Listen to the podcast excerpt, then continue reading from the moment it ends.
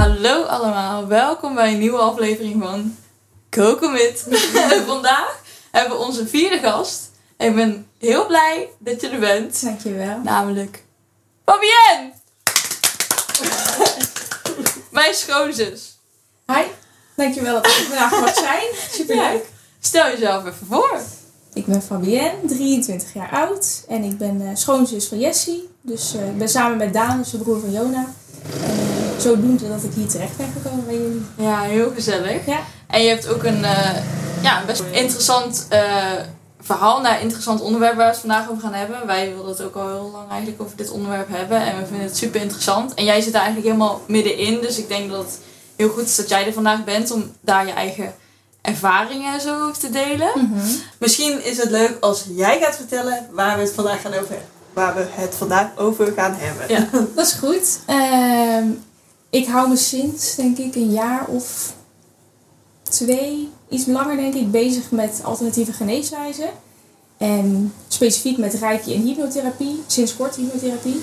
Ehm, ja, dat is echt super interessant om meer over te leren en eh, te mogen gebruiken bij mezelf en bij mensen om mij heen. Dus eh, Mm. ja, dat is wel een beetje waar ik vandaag met jullie over wil praten.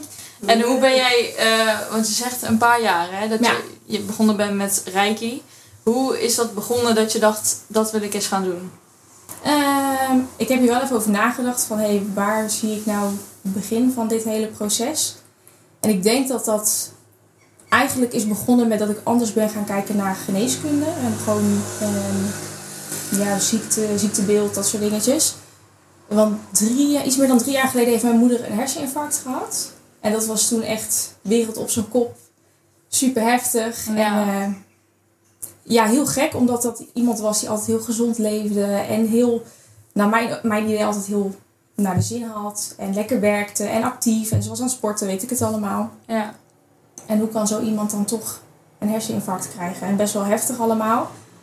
Dus, eh, nou, toen had mijn moeder, eh, of ja, toen werd ik gebeld door mijn vader van, hey, niet schrikken. Eh, je moeder is in het ziekenhuis. En dat was in die coronatijd, dus toen dacht ik, oh, ze heeft corona. Maar Ja. dat was niet. En ehm, nou ja, dan ga je echt in een hele gekke spiraal van ziekenhuis hier, ziekenhuis daar. En toen ging dat allemaal steeds wel wat beter, maar toch bleven de dingen hangen, want dat is vaak bij een herseninfarct. En toen ging ik wel, stond ik wel even stil bij van, hé, hey, hoe kan dat nou, weet je wel? Is dat dan, heeft dat niet met iets anders te maken dan alleen maar een gezonde levensstijl met eten of eh, sporten of wat dan ook? En toen keek ik meer naar het emotionele stukje en het mentale aspect van het leven. En ehm, toen daar ook met mijn moeder over gehad van, hé, weet je, hoe denk je nou dat het heeft kunnen gebeuren? En voor haar was het super duidelijk. En toen dacht ik van, huh, weet je wel, hoe, hoe kan dit nou? Ja, dat ze Mhm. helemaal niet fijn in de vel zat. Heel veel stress. Ehm, eigenlijk niet het leven heeft ja, geleid wat ze altijd heeft willen leiden. En dat was eigenlijk de enige logische verklaring op dat moment waarom zij dit was overkomen. Want in het ziekenhuis zeggen ze van, oh ja, dat kan zomaar wel, wel eens gebeuren. Mhm. Maar ja, ik neem daar natuurlijk geen genoegen mee. Er Want wordt, ja, er wordt niet eens echt over nagedacht, zeg maar, Nee. dan daar. Nee, dan is het Nee. gewoon van, ja, weet je, het is eh, dit en dit. En eh, ja, Kan, kan gewoon gebeuren. en ja. zoveel die eh krijgt dat. En ik weet nog, weet nog echt goed ehm, eh, dat drie jaar, was het drie jaar geleden? Ja. zeg? Ja, toen eh, kennen wij elkaar ook al. Ja. Toen, ja, toen waren we nog in Den Dungen dan bij eh Daan en Jona. En ik weet nog dat het er toen in het begin echt niet goed uitzag. Nee. Dat het zo heftig was. Dat we echt dachten van nou... eh, ja, het was wel heel erg in het begin. Maar daarna ging het gelukkig steeds iets beter. Ja. Maar dat was wel heel erg schrikken, ja. ja, Ja, dat weet Ja. ik nog goed. En ehm, jouw moeder die wist dus wel duidelijk van... Die wist waarschijnlijk de oorzaak van ja, die had heel veel stress gehad en zo. Maar had je dat niet eerder bij haar gezien? ja en nee. Het is toch, je, je beleeft ook weer je eigen leven op een andere manier. En ik kan niet, zij is best wel heel erg gesloten geweest altijd over haar gevoel. En ja, ik dacht meer dat, ja, ik weet niet. Achteraf gezien denk ik van, Mm. oh ja, ik wist het wel. Ja. Maar ja, ik kan ook niet haar keuzes maken natuurlijk. En ook Nee. niet echt beïnvloeden. Dus achteraf gezien was het heel logisch. Maar ja, dat zeg je altijd daarna als iets gebeurd is wat Ja. best wel impact heeft. ja, precies. Ja. En toen ben je misschien ook eh, samen met Daan gewoon iets eh, spiritueel open gaan stellen. Ja. En toen op een gegeven moment dacht je van Reiki. ja, Hoe kwam je daarbij? Ja, ik was toen ook daarna best wel veel met mezelf bezig ge- gegaan. Want ik heb ook een, een, eh, een minor gedaan in mindful communiceren. Dus ik kwam steeds meer in aanraking met meditatie en allemaal dat soort dingetjes. En toen had Daan, volgens mij werkte hij toen nog bij de Albert Heijn, had hij ooit een kaartje gekregen van een eh, vrouw. Eh, en zij had haar eigen, eh, zij is een holistisch therapeut. Maar dat kaartje is ergens in de la verdwenen en helemaal niet meer bij stilgestaan. Tot het moment dat hij dacht van, hé, hey, ik wil toch wel eens even kijken wat het was. En hij is toen daarmee begonnen. Ehm, en zij is dus holistisch therapeut en zij ehm, maakt gebruik van Reiki en zij is ook helderziend. Dus ja, dat was heel interessant. Maar ik dacht van, oh ja, eerst zien gaan dan geloven, want ik weet helemaal niet wat zij gaat doen. Ja. En Daan was er toen best wel enthousiast over. Toen dacht ik, hé, laat ik dat zelf ook maar doen. Ik had niet specifiek een hulpvraag. Maar er zijn altijd dingen waar je aan kan werken en waar je toch blokkades hebt zitten. Dus, eh, Of wat naar boven komt in één Ja. keer. Ja, of misschien wel dieper ligt waar je niet bewust van Ja, bent. zeker. Ja. Kunnen, kunnen we haar eh, noemen in deze podcast? Of eh, Ja, ik denk het wel. reclame maken? Zo in de, in de beschrijving zetten. Ja, Hoe moet zij naartoe? het is eh praktijk Lavandula in Nistelrode. En eh, zij heet eh, Willeke Prijs. En dat is een hele lieve vrouw, echt een moederfiguur. Dus eh, ja, ik heb dat zelf ook als heel prettig ervaren. Is dat zeg maar een eenmalig iets waar je naartoe bent gegaan? Of is dat iets waar je vaker naar terug bent gegaan? Het is eigenlijk aan jezelf. Zij, doet, zij zegt in ieder geval altijd dat eigenlijk altijd drie ehm, momenten is dat je erheen gaat. Omdat dat dan het beste resultaat heeft. En dat heb ik ook gewoon gevolgd. Want ik had zoiets van, hé, hey, ik kijk even naar die eerste keer. Mocht ik dan al genoeg inzichten hebben, dan is dat voldoende. Maar die derde keer was zeker eh, nodig. En ook heel fijn, omdat je dan toch een beetje vertrouwen met elkaar op, opgebouwd. En Mm. de een geeft zich wat sneller eh, bloot dan de ander. Dus eh, ja, der- drie keer bij haar langs geweest. Kun je iets vertellen over hoe zo'n sessie er dan uitzag bij haar? Zeker. Ehm, we zaten echt tegenover elkaar. En ehm, normaal gesproken mail je of bel je met een hulpvraag van hé, hey, ik heb, zit hier en hier mee. Ehm, daar zou ik graag met jou over in gesprek willen. Ik had tegen haar gezegd van ik weet, ik heb niet zo specifiek iets van hier loop ik echt mee. Maar ik ben wel benieuwd of je mij misschien wat meer inzichten kan geven. Nou ja, en vrijwel meteen had ik alweer iets daar toen ik daar zat tegenover haar. En dat was het familiestukje.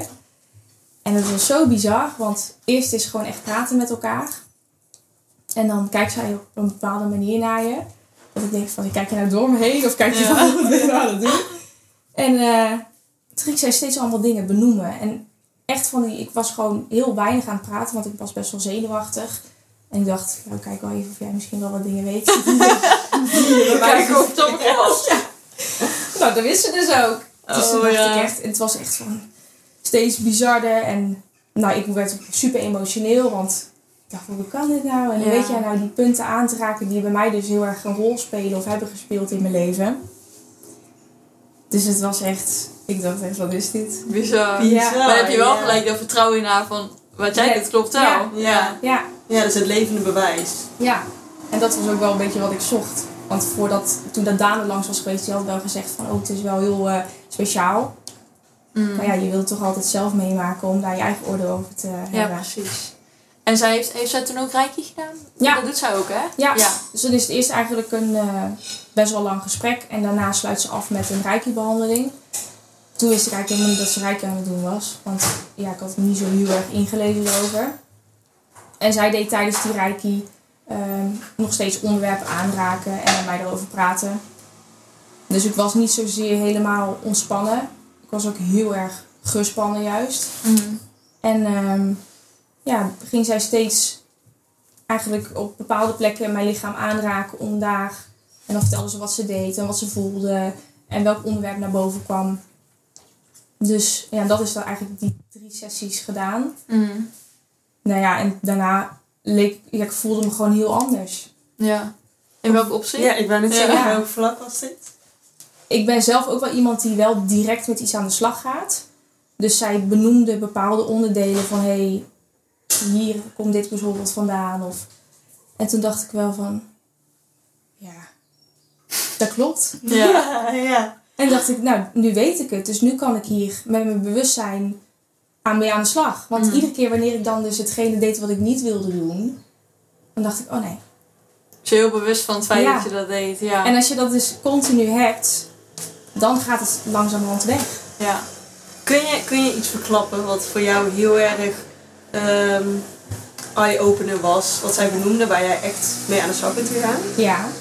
En moet ik niet emotioneel worden, maar Oh. zij zei, ehm, dat vind ik wel moeilijk hoor. Ja, dat maakt niet uit. Neem je tijd. Ja. Zij benoemde, als ik zeg stemverheffing, wat, wat doet dat dan met jou? En volgens mij was dat ook hetgene wat mij het meest raakte op dat moment. Mm. Want dat is iets wat heel erg... Je moet wel bijna huilen. Ja, ik kan wel. Ja, ik ook. Ja, daar ga ik. Ik ook, ja. Maar dat is iets wat wel een hele grote rol heeft gespeeld in mijn jeugd. Mm. Want dat was eigenlijk de manier van uiten. Dus schreeuwen. Ja, dat is best wel indringend. Mm. En dat was ook wat ik deed. Als ik gefrustreerd was of me niet gehoord voelde. Nou ja, en dat is eigenlijk een hele niet zo fijne kwaliteit om te hebben. Want ik wil helemaal niet hoeven schreeuwen of mijn stem verheffen om mijn punt duidelijk te maken. Dus toen zij dat zei, ik, was, ik had er helemaal niet zo bij stilgestaan meer. Want het was voor mij van, oh ja, maar zo ben ik. Als, Mm. ik, als ik geïrriteerd ben of als ik verdrietig ben, dan ga ik heel hard praten. Want Mhm. anders kan ik mezelf niet uiten. En dat stukje van niet gehoord voelen, dat is eigenlijk hetgene wat bij mij het, het grootste punt is geweest in mijn leven. Waardoor dingen ja, op school, eh, prestatiedruk, eh, ja, noem maar op, onzekerheid. Dat was eigenlijk het soort van de essentie van alle drie de sessies. Wat voor mij het belangrijkste was. Kut, sorry. Mokka.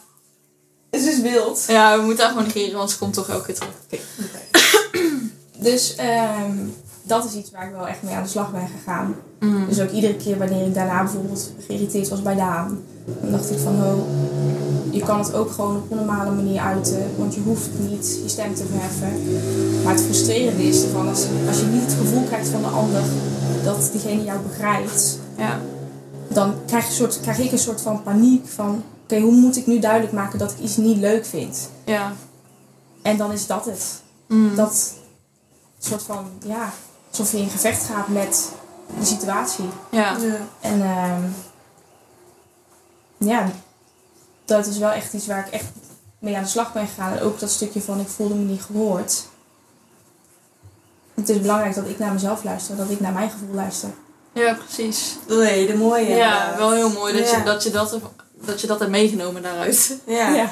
Ja, uiteindelijk. Want dat je- heb je altijd in de hand. Ja, En ik vind het ook interessant wat je zegt, want ehm, dat je geneigd bent inderdaad om je stem te verheffen Ja. wanneer je je dus niet begrepen voelt. Daaruit komt ook vaak voort dat een ander niet meer naar je wil luisteren. Ja. En eh, dat je dus minder begrepen wordt. ja, Dus dat waar je bang voor bent, wordt er eigenlijk mee gecreëerd ja. ook. het Ja. werkt helemaal averechts. Ja, Ja.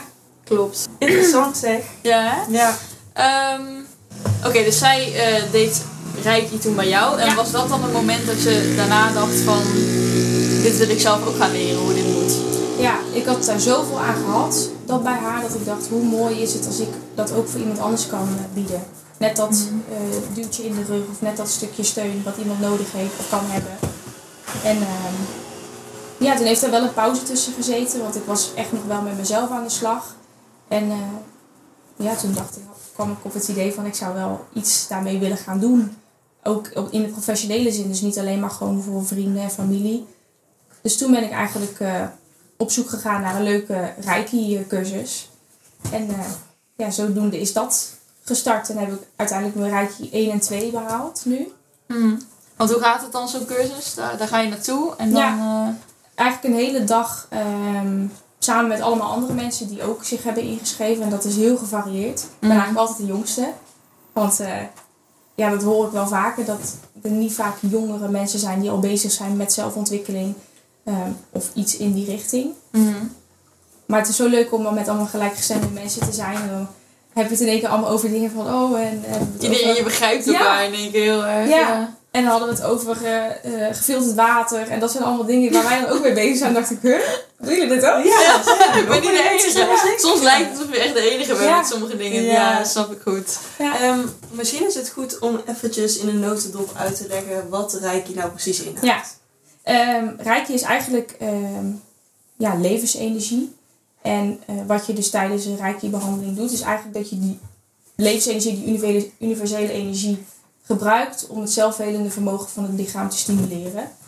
Dus ehm, als ik jou een behandeling geef, dan laat ik eigenlijk hetgene wat je al hebt en wat er al is, door jou stromen om jouw blokkades op te heffen of jouw pijn te verlichten, je stress te verminderen.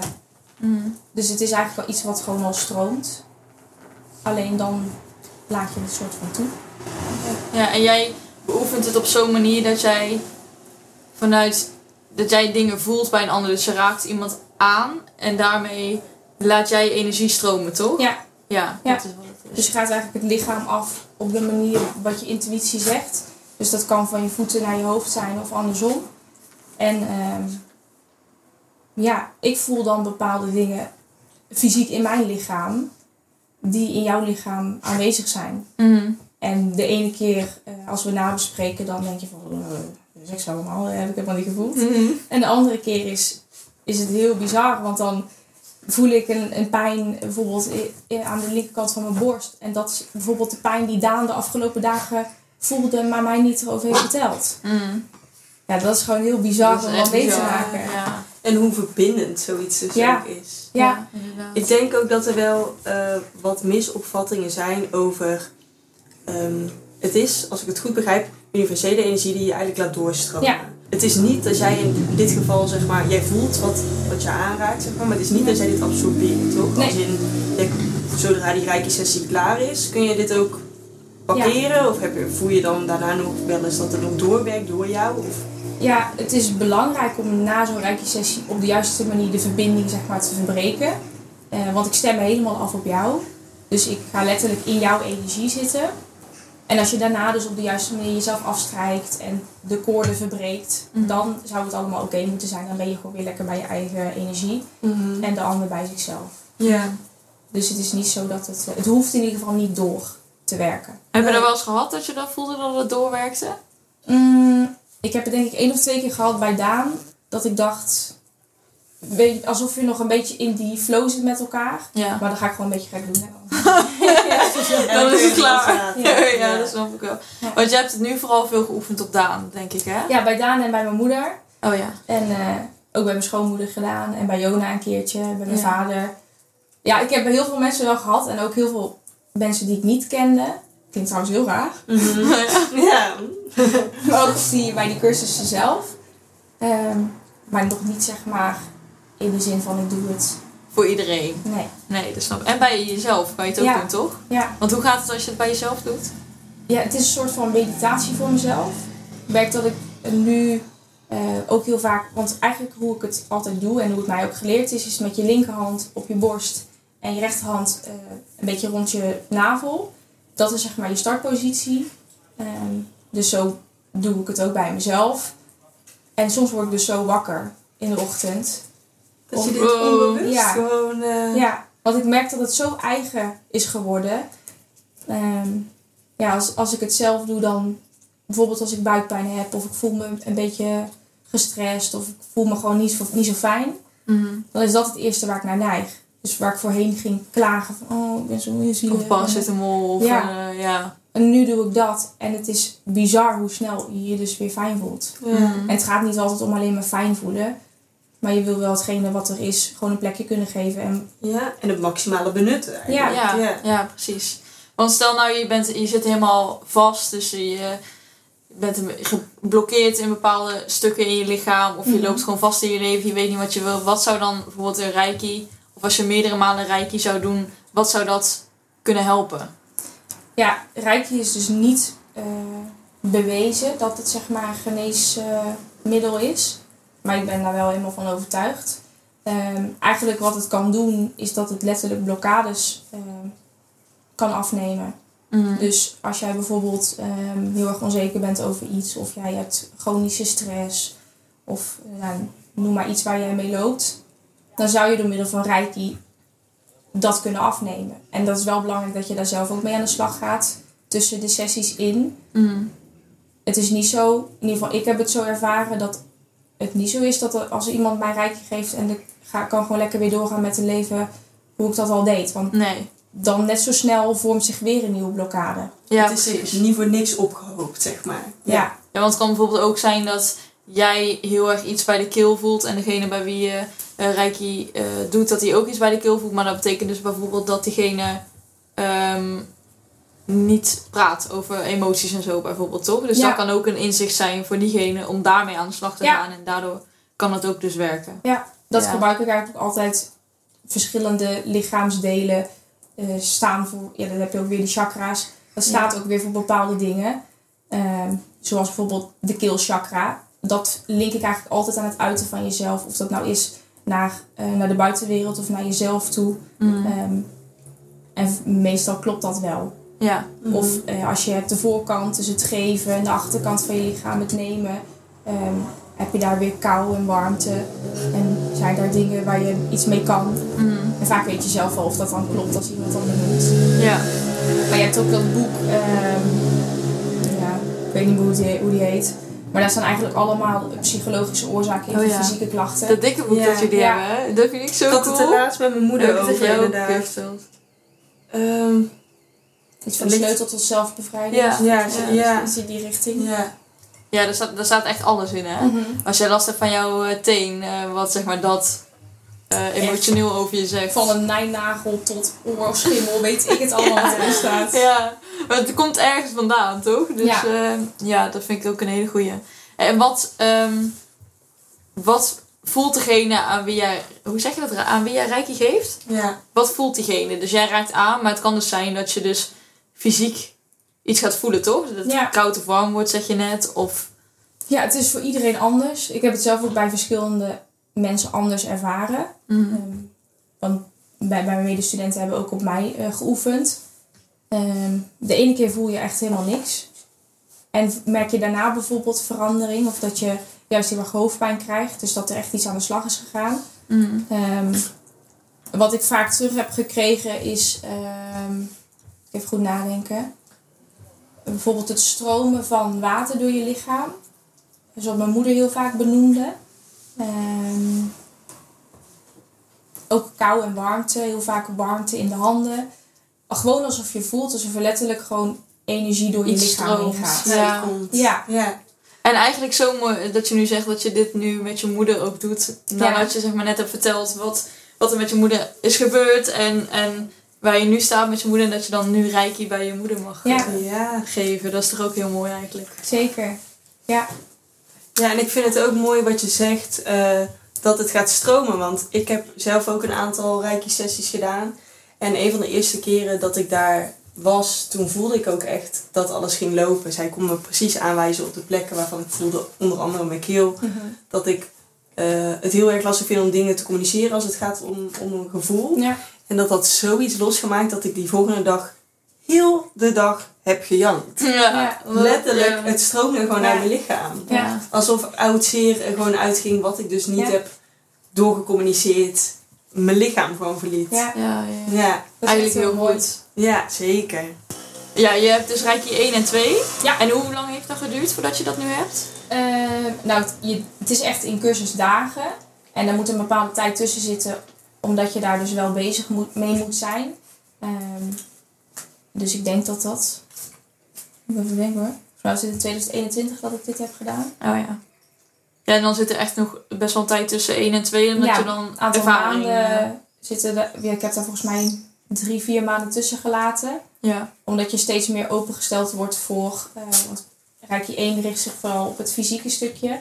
En Reiki 2 richt zich meer op het emotionele en ehm, mentale stukje. Waarbij je dus echt ehm, nog dieper en ook meer weet hoe je met bijvoorbeeld trauma's om moet gaan. Mhm. Ehm, en zo heb je ook nog Reiki 3 en eh Reiki Master. Zodat je uiteindelijk ehm, een praktijk kan hebben waarbij je ook andere mensen ehm Reiki 1 en 2 en 3 kan, Kan eh, aanleren. ja, Oh ja, En dus wil ben je ook een teacher, Ja. zeg maar. En wil je dat ook gaan doen? Reiki 3 en, en Master? Ehm Reiki 3 wil ik wel graag doen. Maar ik heb niet de ambitie, in ieder geval op dit moment niet, om andere mensen ook ehm, als een soort van lerares Mhm. te leren. Ik vind het, ik, mijn, ehm, ja, mijn interesse ligt meer om andere mensen te ondersteunen. Jezus, Mokka ging even over eh, de nek. Zo. Doe eens rustig aan, joh. Jezus, ze lag net ook al te schuimbekken. Ja, nou, we, ja. we weten waardoor het komt. Misschien heeft Mokka een reiki sessie nodig. kan ook. ja, Ja, dat kan serieus.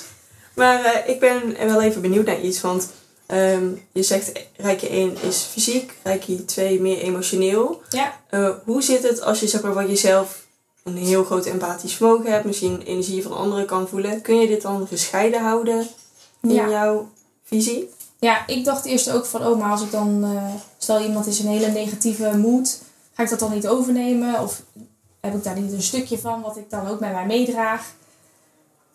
Maar dat is totaal niet zo, omdat je heel erg leert om je eigen energie bij jezelf te houden. Ehm, dus ik merk nu ook heel erg als ik in groepsverband ben, op werk of op een feestje, dat ik heel fijn bij mezelf kan blijven. En dat ik niet het overnemen van een ander of ehm, niet zo ehm drained thuis kom van oh, dat was maar een dagje. Tuurlijk heb ik soms wel dat ik denk, maar dat zijn mijn dingetjes die ik dan heb meegemaakt, maar niet dat van een ander. Omdat die bijvoorbeeld negatief is of heel veel dingen op dat moment heeft spelen. Dus je kan het wel scheiden. ja.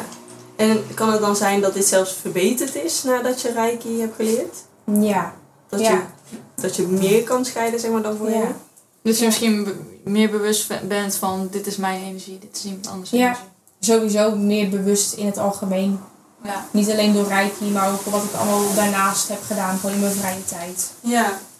Dat je gewoon stilstaat bij wat je doet en dat je ziet wat een ander doet en dat het niet van jou is of niet door jou komt. Dat het gewoon echt te maken heeft met die persoon zelf. Dus je kan veel makkelijker relativeren, dingen loslaten.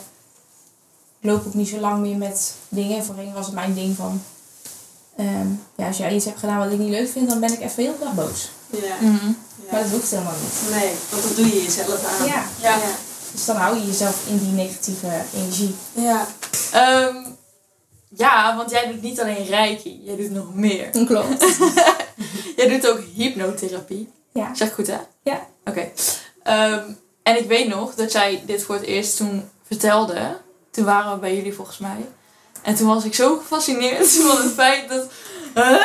Ik had er ook nog nooit... Ja, ik, ik heb daar dan wel eens van gehoord, maar nooit in detail van wat gebeurt er dan of hoe werkt dat en zo. Of Of wat helpt het, weet Ja. je wel.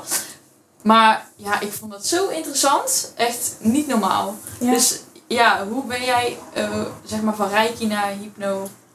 Hypno gegaan. Hypno, hypno, hyp- hypnotherapie? Ja. Hypno, ja, maar is het niet hypnose? Ja, het is hypnose, hypnotherapie. Ja. Regressie komt daar ook bij. Dat is niet alleen voor... Maar dat zal ik zo wel uitleggen wat dat dan is. Ehm, ik had heel erg het gevoel van... Hé, hey, ik wil niet alleen maar reiki. Ik, heb, ik had het gevoel, ik wil nog iets anders leren. Om toe te kunnen passen. En toen zat Daan volgens mij... eh, weet ik het, die kijkt altijd zoveel YouTube filmpjes. Dus die was allemaal Ja. aan het kijken. En volgens mij kwam hij toen bij Roy Martina. En dat is een quantum... Die doet met kwantumhypnose van alles. En eh, toen dacht ik, nou, zal wel. en ja, toen was hij daar toch wel enthousiast over. En ehm, toen dacht ik, nou laat ik ook eens even kijken wat dat dan is. Nou, toen ging ik kijken en toen zag, ik gewoon een random YouTube filmpje kijken van een hypnotherapie sessie. En toen dacht ik, nee, dat kan toch niet? Ja. Het is gewoon heel bizar, want diegene sprak tegen het onderbewustzijn van die persoon. ja. Het lijkt wel alsof je met een soort van paranormale... Staat Ja. verkeerd. Maar dan mooi. Dus Ja. zeg maar niet eng. Niet eng of zo, ja. Nee. ja. Want oké, en toen... Je, ben, je bent toen ook een cursus gaan volgen, toch? Daarvoor? Ja. Ja, dus ehm, toen dacht ik, nou, mijn interesse bleef. Want ik wilde wel even nadenken van, hé, hey, is het niet een opwelling dat ik nu denk, eh, ik ga hypnotherapie studeren. Maar dat bleef, dus ik eh, had zoiets van, ik ga me er gewoon in verdiepen. Ehm, en het was eh, zelfstudie, dus je had een lesboek en ehm, heel veel toetsen die je moest maken. Daarbij oefenen, dus huiswerk moest je insturen. Ehm, en ook dagen waarbij je dus met andere mensen samen zit.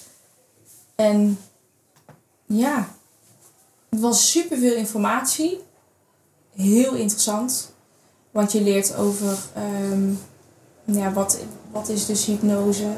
Ja, hypnotherapie. Eigenlijk, als je denkt aan hypnose, heb je misschien wel een beetje een vooroordeel. Dat je bij die Uri Geller... eh, was dat trouwens met hypnose? Hoe Dat kan wel. Oh, je Met bent... die lepel. Hoe Ja. Geller is met die lepel? Oh. Ja. Dat is zo'n andere guy dan, denk ik. Ik weet niet. Maar Geen idee. Maar ik denk dat veel mensen Het vooroordeel, ja, je een lichtje met een plank. eh, Ja. Dat soort dingetjes. ja. Dat is ook. Want het kan. Alleen, dat is een beetje op de fout... Ik vind het op een beetje op de foute manier gebruikt. Omdat het wel iets heel moois kan zijn om iemand echt te helpen. Mhm. Dus mocht je dat beeld nog hebben van hypnose, hoop ik dat je na dit stukje een beetje toch een iets positiever beeld krijgt. Mhm. Ehm, want hypnotherapie is eigenlijk gewoon het stukje dat je wordt behandeld onder hypnose, dus een, een staat van ontspanning, waarbij je zelf nog de volledige controle hebt. Dus als je iets niet wil, dan zal dat ook niet gebeuren. Ehm, en regressie is eigenlijk het stukje waarbij je dus naar het verleden teruggaat. Waarbij je dus in gesprek gaat met een, iets wat er is gebeurd in het verleden. Ehm, of letterlijk met het onderbewustzijn van toen. Ehm, en eigenlijk kan je dus met hypnotherapie en regressie eh, trauma's weghalen, angst eh, wegnemen, stress verminderen, fysieke pijn verlichten. Ja, Mhm. heel veel dingetjes. En kun je uitleggen hoe dat, hoe gaat het precies in zijn werking als jij bij iemand dat doet? Wat, wat, wat is het stap voor stap wat er gebeurt, zeg maar? Ja, het is in het begin eh, eigenlijk gewoon in kaart krijgen van wie heb je tegenover je zitten. En eh, heel veel vragen die je kan stellen aan eh, de cliënt. Om een beetje een beeld te krijgen van ja, wie ben jij. En eh, het gaat van relaties tot vorige relaties tot eh, met je ouders, school, ehm, getrouwd. Nou ja, noem het maar op. Ehm, en vervolgens ga je dus aan de slag met hetgene waar diegene voor is gekomen. Dus of dat nou is om af te vallen, ehm, roken te stoppen of vliegangst of een, eh, een trauma van vroeger. Je hebt inducties en dat zijn eigenlijk de methodes hoe je iemand in de staat van ontspanning krijgt. En daarbij heb je snelle inducties en langzame inducties. Dus je kan letterlijk met slaap iemand al in trance krijgen. Dat is echt bizar. Ja, En hoe kan dat als je het zo kort, want dat, dat is heel moeilijk om te geloven eigenlijk, Ja. zeg maar, als je het zo zegt. Maar jij, hebt, jij hebt dan die skill dat je dat kan. Ja, eigenlijk zijn het shock-inducties, dus een soort van schrik-effect. Waardoor je dus, eh, eigenlijk het stukje is dat je dus niet met je bewustzijn aanwezig kan zijn. Want dan ga je dan denken, oh, wat doet diegene? Nee, dat kan niet. Dus je moet eigenlijk een beetje overrompeld worden. En slaap associëren wij met, ja, vaak met ogen dicht doen, liggen en dus Ja. slapen. En doordat jij dus geschrokken wordt en dat woord slaap hoort, ja, dan ga je eigenlijk gewoon in ontspanning. Bizar. Wij- jij zo nu bij ons en wij zo Ja. allebei. Wij, wij, zijn, wij zijn nu... Jij zo verder opnemen die podcast. Wij zo Het is nu mijn podcast. Ja, dat zou grappig zijn. Een langzame inductie, wat betekent dat? Eigenlijk dat je iemand heel langzaam wandelt. Dus bijvoorbeeld van eh, neem voor je een, mooie, een mooi bos. eh, waarbij je eh, bijvoorbeeld ingaat op de zintuigen. Dus als iemand heel erg van het eh, gehoor is of iemand heel erg van geur. Dan ga je daarop inspelen van ruik je. Een soort meditatie om helemaal Ja. te ontspannen. Ja. Het is eigenlijk niets meer dan gewoon ontspanning. ja. Dus ja. En wat gebeurt er dan? Dan is degene in die ontspanningsfase. Ja, dus dan is dat stukje bewustzijn, dus die alertheid en dat nadenken, dat is mm, op de achtergrond. Je hebt natuurlijk meer, de ene is wat dieper in ontspanning dan de ander. Ehm, dus als jij in die staat van rust bent, dan kan je dat onderbewustzijn aanspreken. Dus alles wat er dan gezegd wordt, komt soort van meteen in je systeem. Waar je normaal zou denken van, eh, ja, nee, eh, ik ben het er niet mee eens. Of, eh, Ego. Onzekerheid. Ja. Ja. En dan komt het ongefilterd gewoon in je systeem. En dat is dan jouw... Je creëert eigenlijk een nieuw stukje. Mhm. Een Dus- nieuwe waarheid Ja. voor iemand, zeg maar. Ja. Ja. Oké. Dat, is, dat is bizar, hè? Ja. Ja, dat vind ik ook echt bizar. Maar dan, ik denk, want dat zei ik toen ook tegen jou, daar kun je dus ook zware misbruik van maken. Ja. Als, toch? Ja. Iemand zit in zijn onderbewustzijn. En jij kan iets zeggen op dat moment. Bijvoorbeeld iemand wil afvallen. Wa- Wat zou je dan zeggen tegen iemand? Of als Kan iemand wil stoppen met roken of zo? Virtuele maagband eh, aanbrengen. Dus Oh. eigenlijk door de dingen die je zegt. Dus eigenlijk de communicatie die je met de cliënt hebt. speel je in op dat dat daar dus zit. Ja. Mm. Waardoor je dus, als je dat een aantal keer hebt gedaan, ehm, diegene dus het gevoel krijgt dat je minder kan eten. Wow. En als je daarbij dan ook Dat is zegt, ja, Ja. Oh, ja. maar ja, als jij echt iets gelooft, Ja. dan is dat jouw waarheid. ja, het zit in je onderbewustzijn. Dus je hebt dan geen controle eigenlijk meer over wat je denkt. Nee. ja. Want dat gaat dieper dan dat. Ja, inderdaad. En is het dan ook zeg maar dat je tijdens zo'n eh, die cursus dat je ook eigenlijk bij diverse klachten ook leert wat een oplossing zou kunnen zijn, net als wat je nu zegt. Ja, Dus stel dat komt iemand met bijvoorbeeld een, een klacht, moeilijke weet ik veel, grenzen aan te kunnen geven of communicatie, dan kun je dus iets visualiseren waardoor dus iemand onbewust ervaart ja. wat jij realiseert, als ik het zo goed zeg.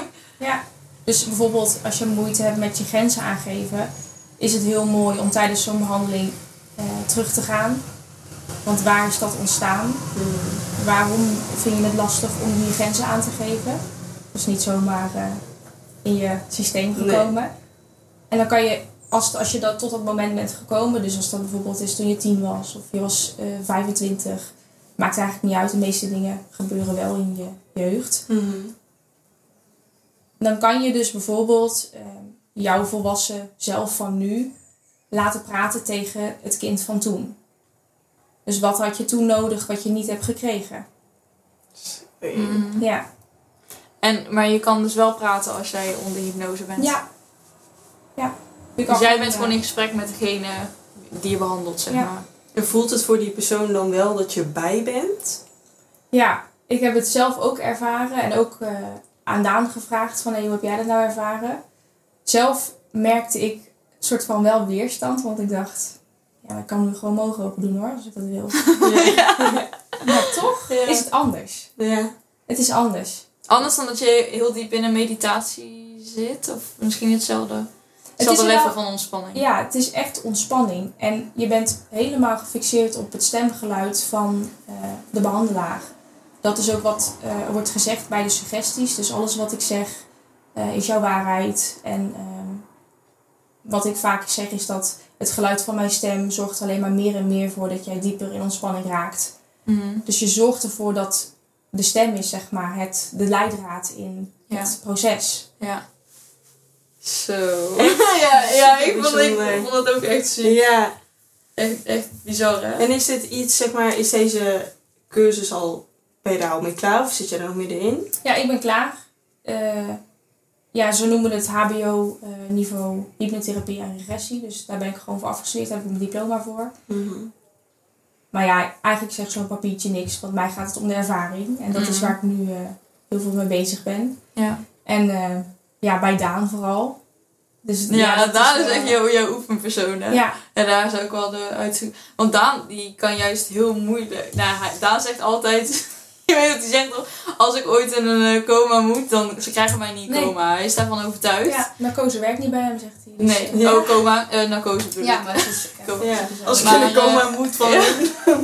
Ja, maar Maar, eh, Dan ga komt jij hij wel... eh, Zal ik jou in de coma brengen nou? ja, maar Daan is dan gewoon heel koppig, toch? Die zegt Ja. van... Narcose, dat gaat, ze, gaat niet lukken bij mij, want ik heb, ik heb de controle. Ja, Maar krijg jij hem wel in hypnose? nou ja, dat was wel... eh, Dat is moeilijk. dat was wel een Ja, dingetje. ja. Want Daan, ik denk dat hij dan heel tijd zo doet. Ben er nog? Ja. Ik ben er nog!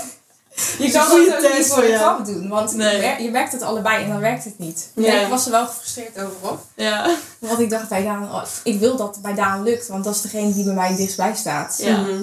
En ja, hoe fijn is het als je gewoon dat met hem kan doen en hem ook kan helpen. ja, precies. Dus dat ging allemaal niet en toen dacht ik, jezus. Ja, maar hij is een lastig persoon misschien daarvoor om, om als eerste op te oefenen. Ja. Maar aan de andere kant juist goed, want dan... Ik werd echt getest van, Ja. ja, het wel? Maar het Ja. lukte uiteindelijk dus wel. Bij Ja. Daan ook. Ja, het was, eh, ik had mijn moeder die dag behandeld. En bij mijn moeder gaat het heel goed, want zij is helemaal blij en helemaal trots en eh, Eh, heel schattig. En toen zei ik tegen mama van, hey, heb je niet een tip wat je Daan kan geven van, wat doe jij nou waarom het bij jou...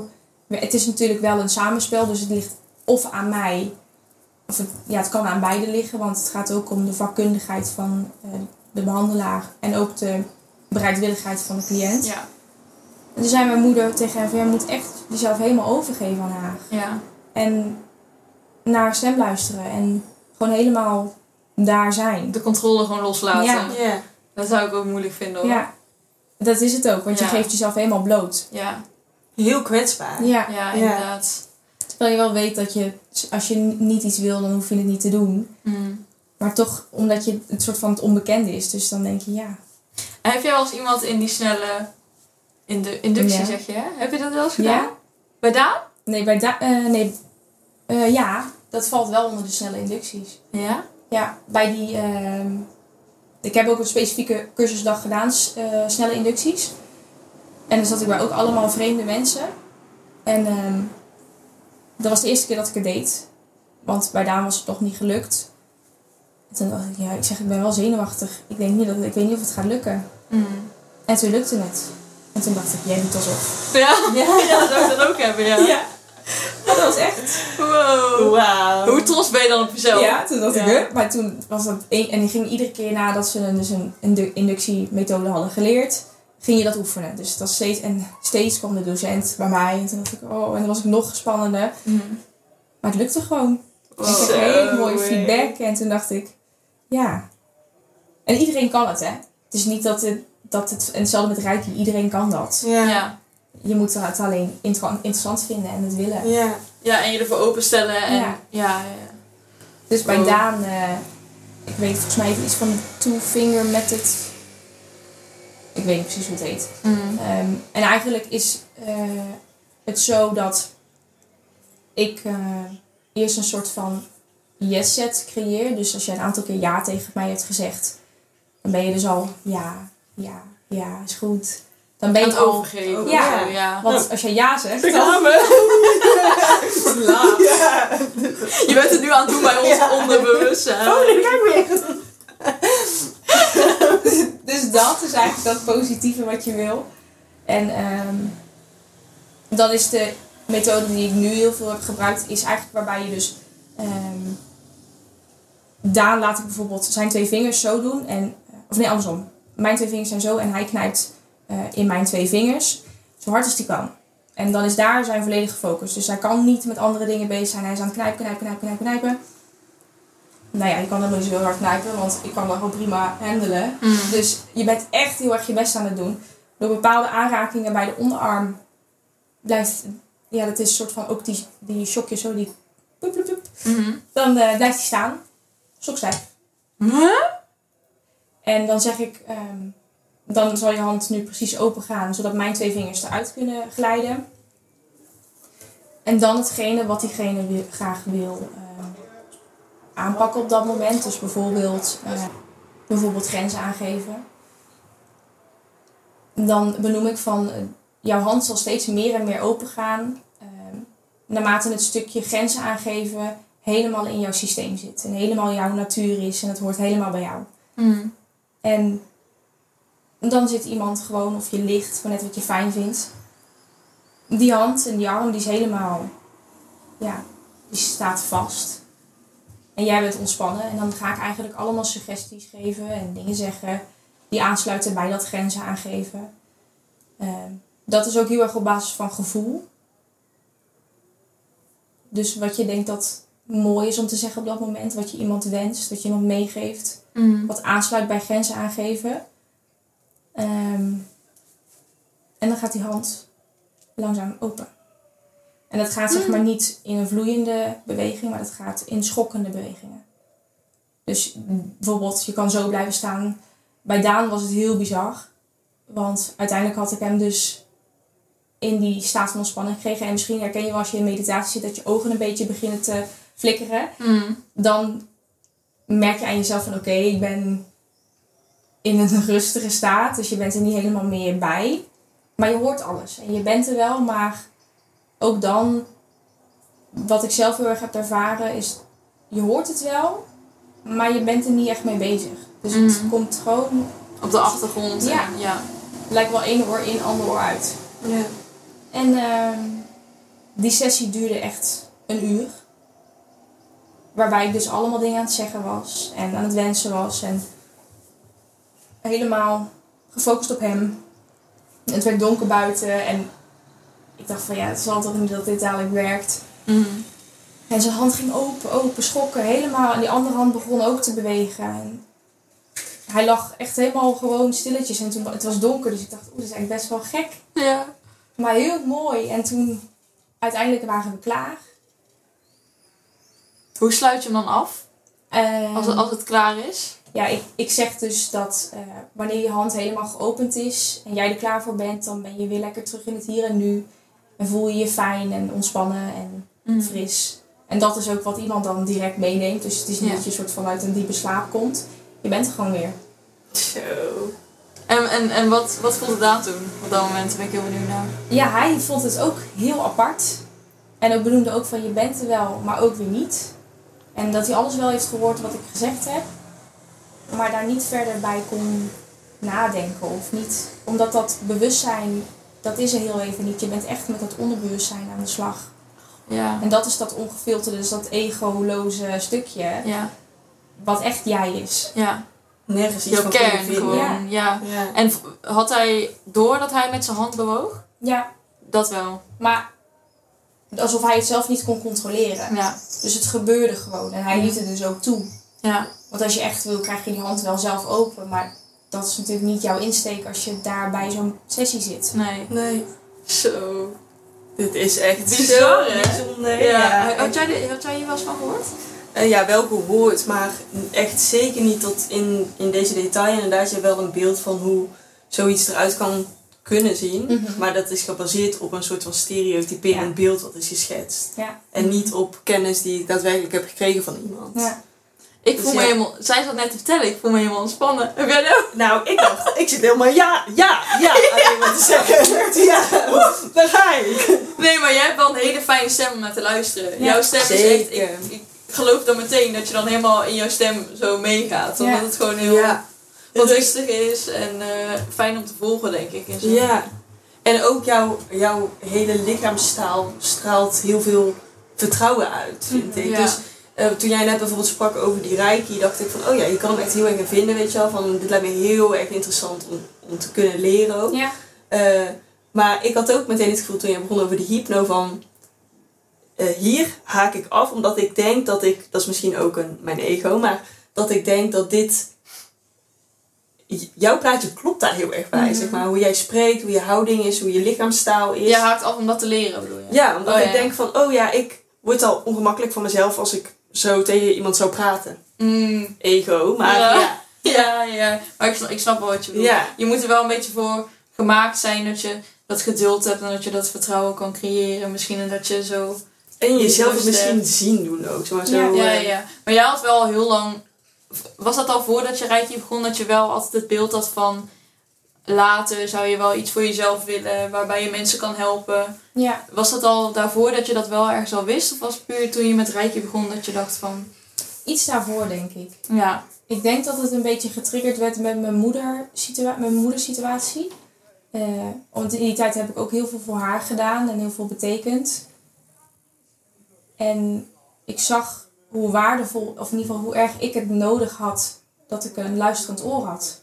ja. Maakt niet uit in welke vorm. Voor mijn gevoel heb ik dat niet gehad in mijn jeugd. Mm. Waardoor de dingen waar ik later tegenaan liep, zijn ontstaan.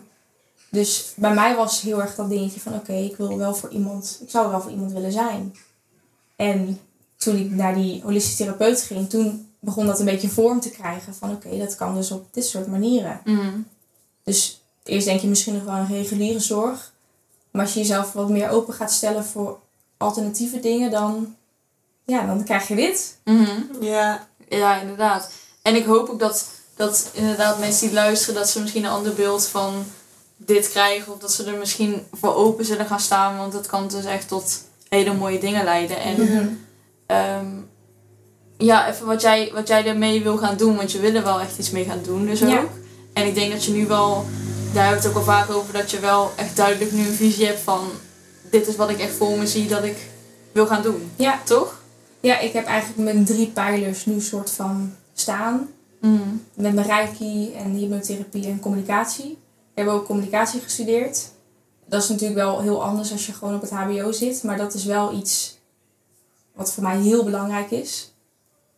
ja, ik denk dat ik dat nog wel het meeste gebruik. Hoe je jezelf uit, wat je zegt, eh, hoe dat overkomt. ehm, met elkaar spreken. Je ja, nou ja, eigenlijk alles is communicatie. Mm. Die drie dingen zijn eigenlijk voor mij een soort van een eenheid om te benutten en om mezelf en anderen te kunnen ondersteunen. Ehm, dus dat is wel een beetje waar ik heen wil. Mm. Ja, En dan gewoon je eigen dingetje, het liefst aan huis. Een Ja. soort praktijk of zo wil je, Ja. Ja. Ja. Ja, dat is echt, dat zie ik jou ook helemaal doen. ja, Echt waar. Helemaal. Zo'n schuurtje in de tuin en dan zit ze hoor. Ja. dat vind ik echt iets voor jou. Ja. Ja, en niet te vergeten over, de, over die, eh, die behandelingen bij Daan. Want het is natuurlijk wel gelukt, maar ja, is het wel gelukt? Mm. Want het is leuk dat je hand open gaat, maar Ja. gebeurt er dan ook wel iets? Wat is, Ja. zijn de effecten daarna? Ja, want ehm, ja, dat zat nog een beetje in het midden, want ik zei ook tegen hem van... Oké, nu is het nog maar even zien hoe dat dan gaat lopen. En ehm, ik wil niet te veel in detail treden, want het is natuurlijk niet mijn eh, Nee. proces. Ehm, maar dat van hem. Ehm, maar laat ik het zo zeggen. Twee weken daarna stonden we heel even stil bij de dingen die dus waren besproken. En wat hij graag anders wilde. En het is te bizar om te zien wat voor veranderingen hij heeft doorgemaakt. Hier wist hij wel al wat hij zou moeten doen. Of moeten is natuurlijk wat hij zou kunnen doen. Of Mhm. ehm, wat fijn zou zijn. Maar dat gevoel, dat was daar nog niet. En nu is soort van dat gevoel met dat bewustzijn gekoppeld, waardoor hij dus nu doet wat hij altijd al heeft willen doen. Mm. En dus echt zijn patroon is, aan, is aangepast. Ja. En dat is natuurlijk Zo. wat Het telt. is geen strijd meer tussen je... Tussen je ego en je, en je onderbewustzijn. Ja. Hij doet het nu uit nature, zeg maar. Ja, Ja. en niet van, oh ja, eh, deze, want ik had het zo en zo bedacht. Dus eh 1 en 1 is 2, dus ik doe het nu zo. Het maakt het eigenlijk ook makkelijker om Ja. dus ja, die keuzes te maken of een bepaalde richting op te gaan. Ja, Mm. Want je hebt geen innerlijke strijd. nee, dat klopt. Dus je hebt eigenlijk heel snel het effect kunnen zien van iets wat jij hebt gedaan. Ja. En uiteindelijk kan je het ook zelf. Hè? Je hebt daar niet altijd iemand voor nodig. Maar het kan wel een duwtje geven in de juiste richting. Of Mm. net dat stukje zijn wat je misschien nodig had. Ja. Hey, en bij eh, Reiki benoemde je net ehm, dat dat iets is wat je ook bij jezelf kan doen. Hoe zit dat met dit? Ook. Ja? Ja. Kan ook bij jezelf. Ehm, je kan bijvoorbeeld eh, jezelf opnemen op een eh, bandje. En daarin dus... eh, want ik had het wel laatst geprobeerd bij mezelf om dan dus tegen mezelf te praten. Maar je praat natuurlijk vanuit je bewustzijn. Ja. Ehm, en misschien, ja, je doet 95% bewust, of eh, onbewust en 5% bewust. Maar ik ben er wel bij als ik nu praat. En ook als ik mezelf nu sugge- suggesties zou geven, dan ben ik er wel gewoon helemaal bij. En dat werkt er niet. Omdat je ook moet nadenken over wat je zegt. Ja, Toch? Dus, dus dan, je bent... Dus Ja.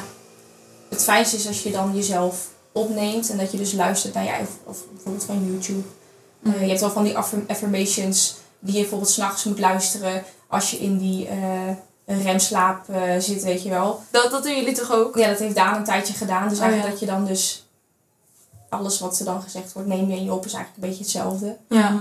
Ehm, dus dat kan je ook doen, dat je jezelf opneemt en dan dus eh, bijvoorbeeld helemaal een eigen sessie maakt op iets wat jij graag wil aanpakken. Zo, Ja. ja. En dan gewoon je eigen stem volgt. Ja, Dus je zet jezelf dan eigenlijk neer als een soort van derde persoon. ja, Ja. Of tweede persoon in dit Ja. geval. Ja. Oh. Dat is Ja, ook cool. En je, je benoemde nou net dat je dus nu op Daan en je moeder dit doet. Zijn Ja. er ook al... Ik kan me voorstellen dat het gewoon best wel spannend is. ja, zeker. Is het, heb je het al vaak op andere mensen geoefend naast jouw eh, cursus zelf? Nee, eigenlijk alleen op Daan en mijn moeder en bij de mensen bij de cursus. Dat voelt dan toch veilig. Omdat zij ook allemaal daar met dezelfde reden zijn en willen leren. Ehm, dus ik vind het wel heel spannend om... Want ik stel mezelf ook heel kwetsbaar op. Als ik dus iemand anders behandel. En dan komt weer mijn ego om de hoek van... Oh, maar kan je het wel? En zeg je wel de juiste dingen? En dadelijk lukt het niet. Mm. Maar dat is ook oké. Alleen dat is wel iets waar ik nu nog in zit. Echt dat zelfvertrouwen erin krijgen. En ook al weet ik wel dat het dus al effect heeft, Ja, is het toch een soort van nog een proces. snap ik. Het is ook nog wel redelijk nieuw, toch? Dus dat is Ja. wel dat is logisch. Ja, Dat is ook niet gek. Nee, dat klopt. Als er meer tijd overheen gaat, dan heb je misschien meer ervaring bij de mensen die het al deed. Dus dan weet je beter wat je doet misschien. Ja, Ja. En dan kun je het misschien bij anderen ook eh, doen. En hoe fijn is het ook om met volle vertrouwen in jezelf dit ook aan te gaan. ja, precies. dat is ook heel erg belangrijk bij dit stukje. Dat je dus die zelfverzekerdheid hebt in je stem. Want Ja, als ik tegenover jou zit en ik ga jou behandelen en ik ben wankel in mijn stem, dan zal jij niet, misschien niet zo snel overtuigd zijn dat ik jou nu ja, op een fijne manier ga behandelen. Ja. Ja. dan kun je misschien ook niet eh, die controle loslaten of overgeven aan jouw stem. Ja, Ja, en je wilt als, als cliënt dan ook graag vertrouwen hebben in jouw kunnen. ja, precies. Ja, klopt. Interesting. Echt, ik ben echt flabbergasted. Want Ja. ik heb natuurlijk van Jess wel het een en ander gehoord. Mhm. Maar het is toch heel anders als jij dan hier tegenover ons zit en Ja. heel je verhaal doet. En je praat ook heel fijn. Het is super duidelijk. Ik, ik, Mhm. ik kan snel mijn aandacht verliezen, maar dat heb ik hier nog niet gehad. Nee, dus het ja. is... eh, ik ben blij dat je, dat je hier je verhaal komt doen. oprecht. Ja, zeker. Ik Ja. ook. Oké, nou, ik denk dat we, dat, we het, dat we het heel goed hebben. Dat jij het heel goed Ik word hebt je ja. ja. Ik heb het gedaan. Even een paar credits pakken. Veer in je reet. Dank je. En eh, dat, het, dat het heel duidelijk is voor de luisteraars dat er dus ook andere manieren zijn om te genezen en om mentale issues aan te gaan, maar ook lichamelijke issues Ja. aan te gaan. En ehm, ja, we hebben ook besproken waar jij uiteindelijk naartoe wilt, een Mhm. eigen praktijk, voor jezelf, mensen kunnen helpen. En ik vroeg me nog wel af, zou jij, eh, want je hebt het nu dus veel getest op Daan en op je moeder, reiki en hypnotherapie. Maar zou je ook openstaan om nu zeg maar al eh, bij mensen die je niet kent ehm, sessies te geven? Of hoe noem je dat? Therapie? Of, Ja. eh, weet niet. Eh, ja, daar zou ik wel voor openstaan. Ehm vooral ook voor mezelf om te oefenen. Ik zit echt nog wel in het leer, in ieder geval in de startfase van alles. Rijken ben ik wel wat meer mee bezig. Maar ik zou er zeker voor openstaan. Al is Ja. het een gesprek met iemand. ehm, een reiki, het is eigenlijk wat iemand wil, daar zou ik voor openstaan. Ja, Ehm ja. het is voor jou ook goed om te oefenen gewoon Ja. op meerdere mensen. Ja, dat snap ik wel. En dan geef ik iemand één inzicht. Dan zou dat al heel mooi zijn voor beide kanten. Ja, daar krijg je ook Mhm. energie van als je dat... eh, Ja. Dus dan kunnen mensen eh, jou een bericht sturen. Ja. Wij zetten sowieso jouw, jouw Instagram denk ik eventjes in de, in de omschrijving dat mensen je kunnen vinden. Ja. Mm. En ehm, ja, ik zou zeggen, of als je met een vraag zit hierover, dan is het misschien ook leuk als ze jou nog dingen kunnen vragen erover. Of Ja. als ze een keertje bij je zouden willen langskomen. Ja. Dat ze jouw stem nu al zo fijn vonden dat ze dachten, ik wil er vaker horen. Ja. Dan, Of eh, misschien het zelf eh, interessant vinden om hetzelfde pad te bewandelen Ja. als wat jij doet. ja, precies. Dan eh, kunnen ze jou berichten. Dat is wel een goeie. Nou, ik vond het, eh, ja, ik heb het nou al een paar keer gezegd, maar ik vond het echt heel erg interessant. En ik ben Ik blij ook. dat je bent gekomen. Dankjewel. Ja, Het Ik was, eh, ik vind het ook leuk dat het echt even een totaal andere topic is dan wat we normaal gesproken bespreken. En ik vind Ja. echt dat je, nou voor mij mag je iedere week langskomen. Ja, ja, ja, dat is heel fijn. Ja. Ja, maar ik denk dat we met FAP kunnen we echt meerdere onderwerpen nog bespreken. Ik bedoel, eh, we ja, hebben dus niet één ook waar ik... eh, Nee, mee waar je mee bezig ben. Nee. We hebben eh, zoveel gesprekken altijd met z'n vieren. En eh, met Daan en Jona. Hoi Jona. met Daan en Jona erbij. Ehm, dus ik denk dat, dat we nog veel dingen zouden kunnen bespreken. Dat FAP een goede gast is. ja, Dank jullie wel. nou dan Ja. zeggen we tot ziens. Tot de volgende Tot de keer. volgende dankjewel keer. voor het luisteren. En dankjewel Fab dat je er was. Ja, jullie ook, dankjewel. Graag gedaan. Oké. Doei!